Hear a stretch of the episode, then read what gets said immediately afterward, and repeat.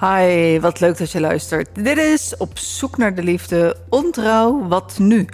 Aflevering 146. Mijn naam is Annette Burgers. Ik ben de ontrouw-expert van Nederland. Ik maak deze podcast voor jou. Je bent vreemd gegaan of je gaat vreemd. Je bent bedrogen of je bent de derde in de driehoeksrelatie. Je loopt rond met schuld of schaamte en om jou heen zijn er vooral oordelen.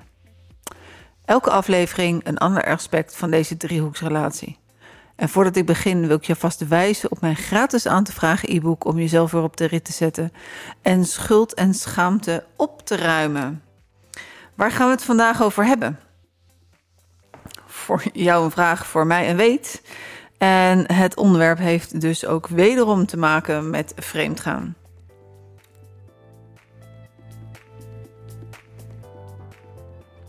Vreemdgaan. En wat betekent die dubbele agenda voor jezelf? Er zijn heel veel redenen waarom mensen vreemd gaan. En het kan een zeer complex en gevoelig onderwerp zijn. Want weet je het wel over jezelf waarom je vreemd gaat? En elke situatie is anders. Onlangs zei een cliënt tegen mij nadat ze haar affaire had beëindigd: Ik voel me nu vrij, alsof ik in een gevangenis zat waarvan ik niet eens wist dat ik erin zat.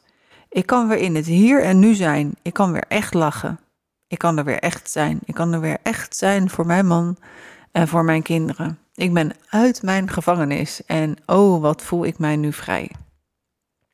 Die dubbele agenda geeft je misschien bij aanvang heel veel vleugels. Maar op lange termijn zal dit steeds minder worden. Om daarmee aan de slag te gaan is natuurlijk de eerste vraag van belang.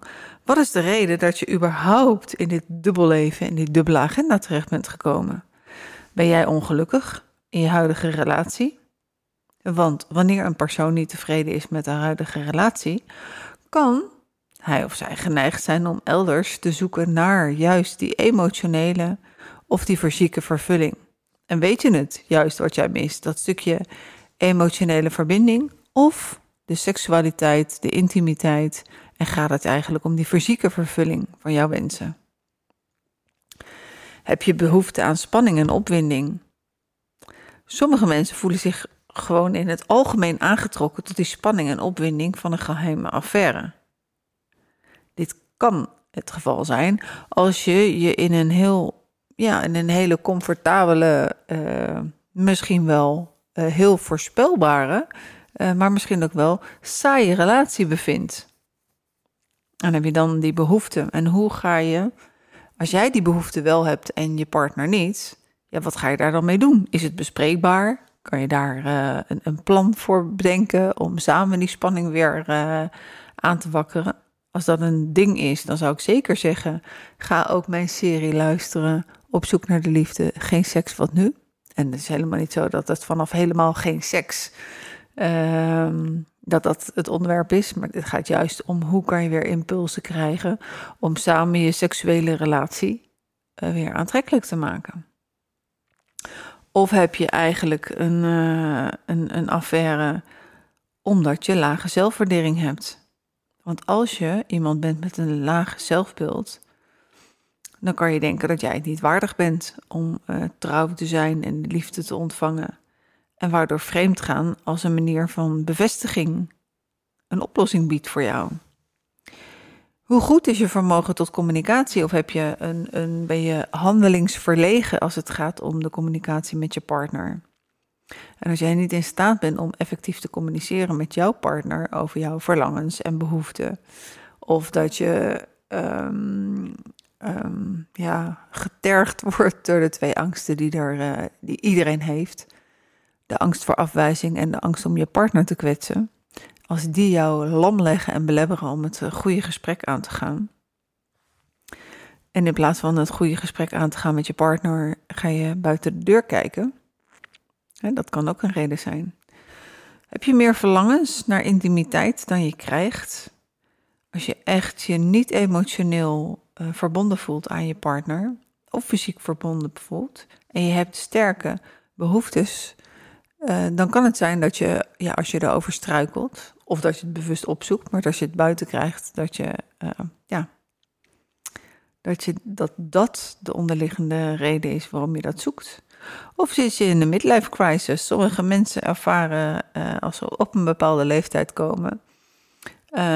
Ja, lig ik nog wel goed in de markt. Um, een, een jongere collega die aandacht geeft. En die bezoeken dan voor een bepaalde periode. Terwijl ze zelf achteraf dan denken als het uitgekomen is van... oh jee, wat heb ik gedaan? Maar dan zoek je juist een stukje bevestiging en ook opwinding buiten je huwelijk.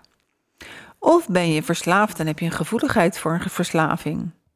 Als je een, uh, een gevoeligheid hiervoor hebt, dan zou ik zeker luisteren dat uh, in de pijplijn zit een gesprek uh, met Arold. En Arold heeft een boek geschreven, Verslaving als kans. En dan gaan we het ook zeker hebben over het stukje wat een verslaving, of nou verslaving aan drugs is of verslaving aan alcohol, uh, wat dat uh, met zich meebrengt. Of wat de overeenkomst is met het hebben van een, een, een affaire. Ben je wraaklustig? Het kan ook natuurlijk nog. Soms kan je als mens, uh, als je partner bijvoorbeeld uh, vreemd gegaan is en dat je denkt: oké, uh, oog om oog, tand om tand, dat ga ik ook doen. dat het een wraakactie is.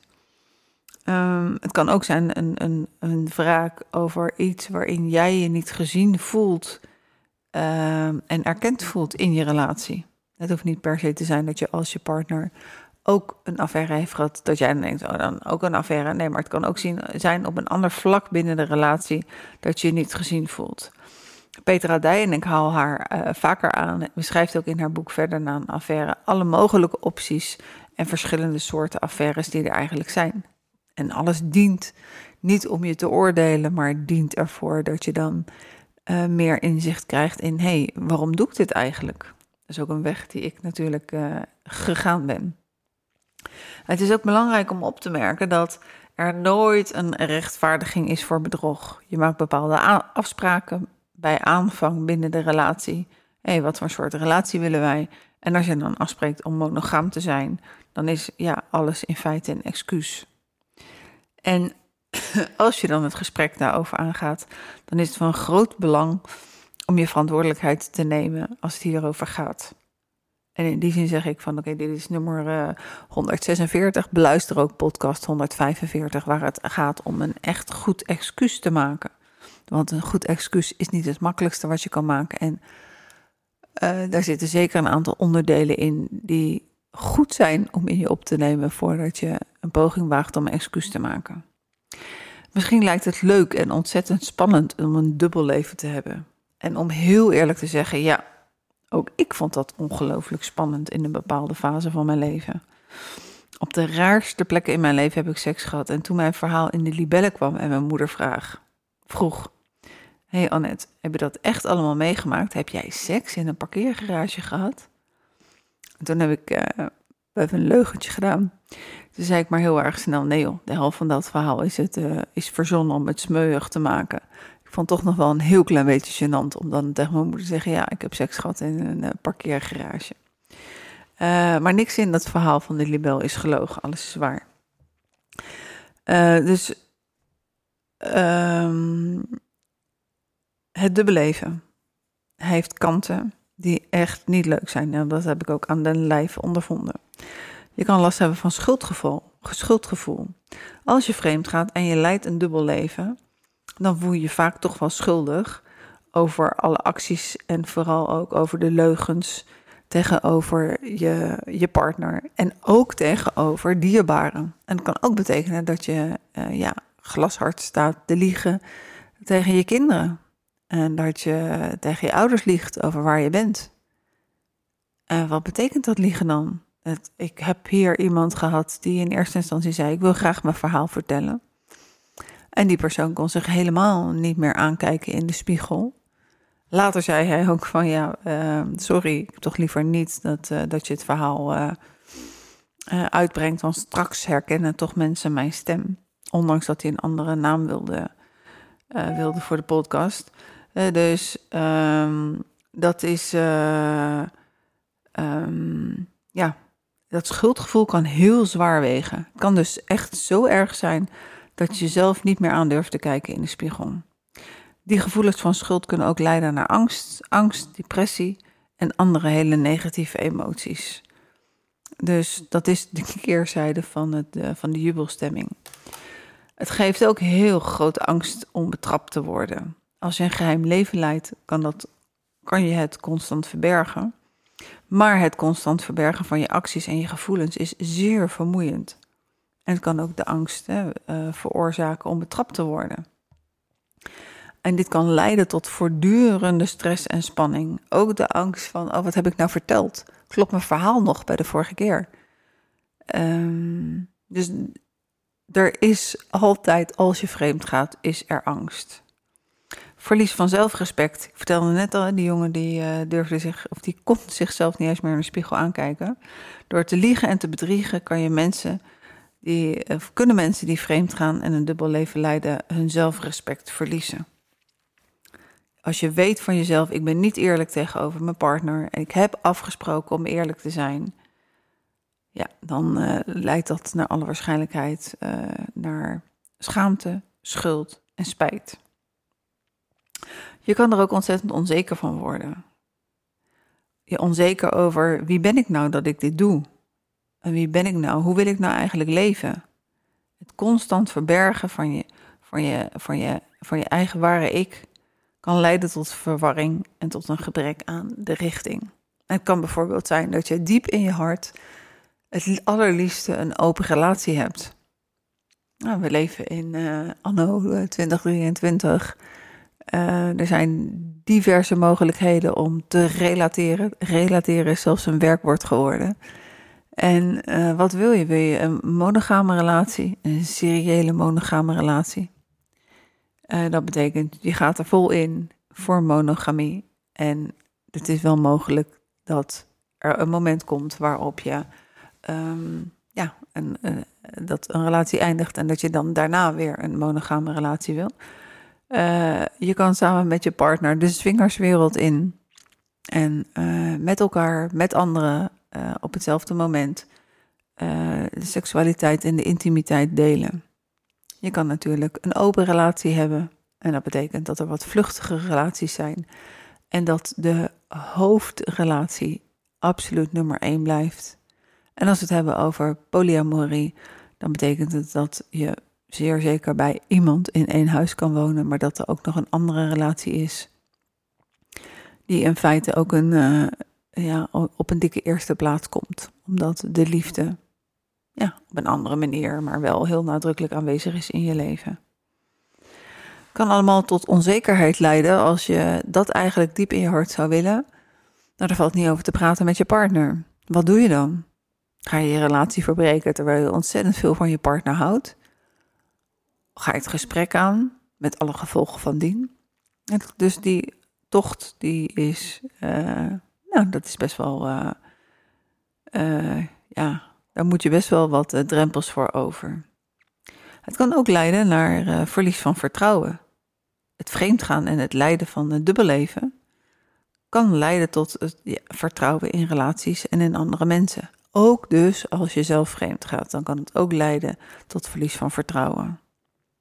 Afgezien van het feit dat het ook leidt tot verlies van vertrouwen ten aanzien van jou als het uitkomt of als je het vertelt. En alle gevolgen als het uitkomt, die kunnen we leiden van had ik, het, had ik dit maar nooit gedaan. En natuurlijk, lieve luisteraar, ik ben zelf geen heilige. En het is ook, ik maak niet deze podcast om een oordeel te vellen, helemaal niet. Ik maak deze podcast nog steeds omdat ik vind dat het onderwerp taboe is. En als ik de nu.nl of uh, RTL Boulevard, uh, waar dan ook, vreemd gaan, volgens mij, en dat, dat is wel uh, ja, heel fijn. Er wordt heel veel over gesproken, maar altijd nog wel binnen de taboesfeer. En wanneer is het taboe over? Voor mij, het taboe is over als het hele grote oordeel eraf is, het hele grote veroordeel eraf is. En als uh, nou, iedereen in Nederland is een wat te groot, uh, te groot doel. Maar in ieder geval als mensen bij mij in de praktijk en de mensen in mijn omgeving en mensen die daar behoefte aan hebben, dat die in staat zijn om het gesprek te voeren over eigen verlangens en wensen en angsten binnen de relatie. En voor mij, als je monogaam wil zijn, prima. En dat uh, geldt ook voor mij in, in mijn relatie. Je maakt je keuzes. Maar ik vind wel, als ik die keuze maak, dan zeg ik wat ik doe. En dan wil ik ook doen wat ik zeg. Want anders ben ik niet zoveel, geen knip voor mijn neus waard. Uh, dus ik ben geen heilige. En ik ben meerdere, keer, meerdere keren vreemd gegaan in mijn leven. En ik heb me ongelooflijk gelukkig gevoeld met die dubbele agenda. Als ik een stukje omfietste, toen ik bij de Haagse Hogeschool werkte. En uh, mijn grote liefde reed ook een stukje om in zijn auto. En we konden elkaar ergens halverwege, uh, hadden we dan een, uh, een afspreekpuntje midden op straat. En we konden elkaar even een ontzettend lange zoen geven. En daarna reed ik met honderdduizend vlinders in mijn buik het laatste stukje naar school. En hij reed naar zijn werk. Ik weet niet of hij die honderdduizend vlinders ook voelde. Maar dat waren echte momenten waarbij, ja, waarbij je vleugels hebt door het vreemdgaan. Uh, door de liefde die je voelt. En tegelijkertijd heb ik me ook ontzettend angstig gevoeld om ontdekt te worden. En ook dat verhaal staat uh, in de Libel en daar is niks van gelogen. dat ik me in de bosjes verstopt heb met mijn fiets achter de bomen, omdat ik bang was om ontdekt te worden. En dat was heus niet de eerste keer in mijn leven dat ik daar bang voor was. Ik kan me ook nog herinneren dat ik met mijn grote liefde samen in een sauna zat in Amsterdam. En dat mijn toenmalige relatie, uh, nou, ik weet niet, hij, hij had in mijn mail gezeten thuis op de computer. En hij had een vraag en hij begon te bellen. En niet één keer, maar uh, ik geloof dat ik wel 15 gemiste oproepjes had. En dat ik toen toch maar echt heel erg snel vanuit Amsterdam, vanuit de sauna, naar Den Haag terug moest om, om het gesprek aan te gaan. En dat is niet fijn, wil ik ook nooit meer meemaken. dus uh, ik heb me ook ellendig gevoeld toen ik uh, met mijn moeder en mijn kinderen in Rome liep. En dat uh, mijn grote liefde toen met zijn gezin door de Verenigde Staten aan het reizen was. Ja, dat zijn momenten die je niet deelt met elkaar.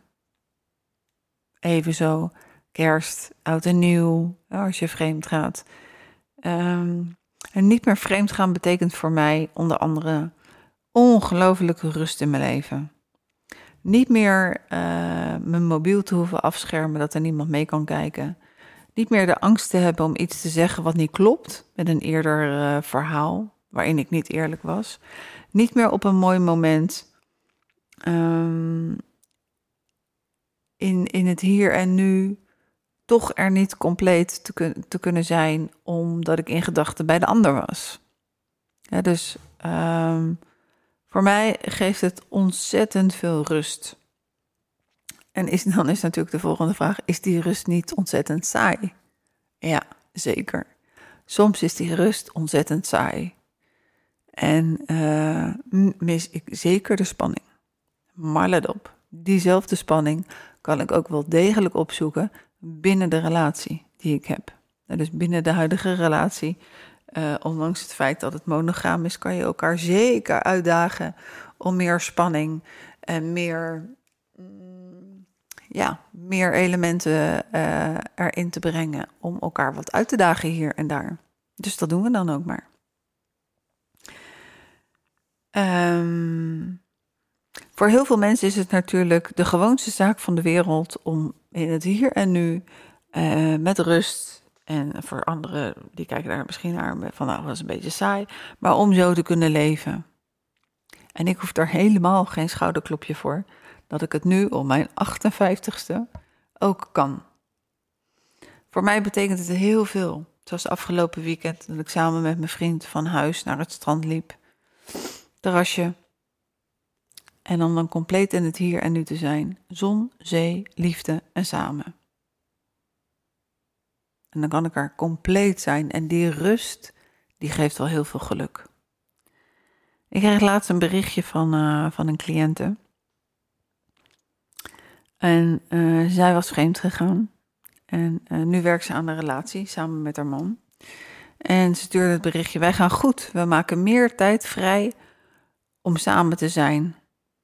En we zoenen weer. En dat bevalt ook erg goed. Alsof we elkaar weer opnieuw ontdekken. En leren en elkaar leren kennen. En dat is zo fijn. Berichtjes van Iris. Nou, ik hoop dat ik antwoord heb gegeven op de, wat de dubbele agenda betekent voor jezelf. En um, dat was het weer zo'n beetje voor vandaag. Het was de bedoeling om weer een korte podcast te maken. Nou, uiteindelijk is die dan toch altijd nog wel meer dan 20 minuutjes. Dus uh, dat is toch ook weer minder lang dan een uh, podcast van, uh, van een uur. Morgen ga ik er weer een maken voor een uur. Dat is dan met Radboud Visser van MAFS, maar dat is tegelijkertijd live radio. Luister mee. En volgende week en de week daarna zijn ook weer podcasten met mensen, ervaringsdeskundigen, die hun verhaal willen doen. Dus blijf luisteren, blijf me volgen als dit onderwerp je interesseert.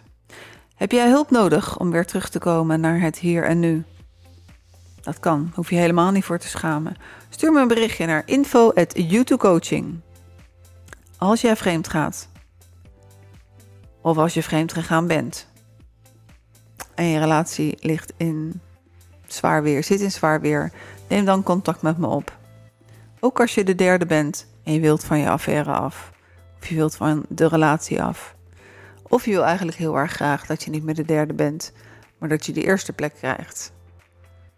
Wat wil je daar dan mee? Kan je daarmee leven? Neem contact op als je denkt van, hey, kan je me daarmee helpen? Info at en YouTube schrijf je met J-U-T-T-U. Dankjewel voor het luisteren en tot de volgende keer.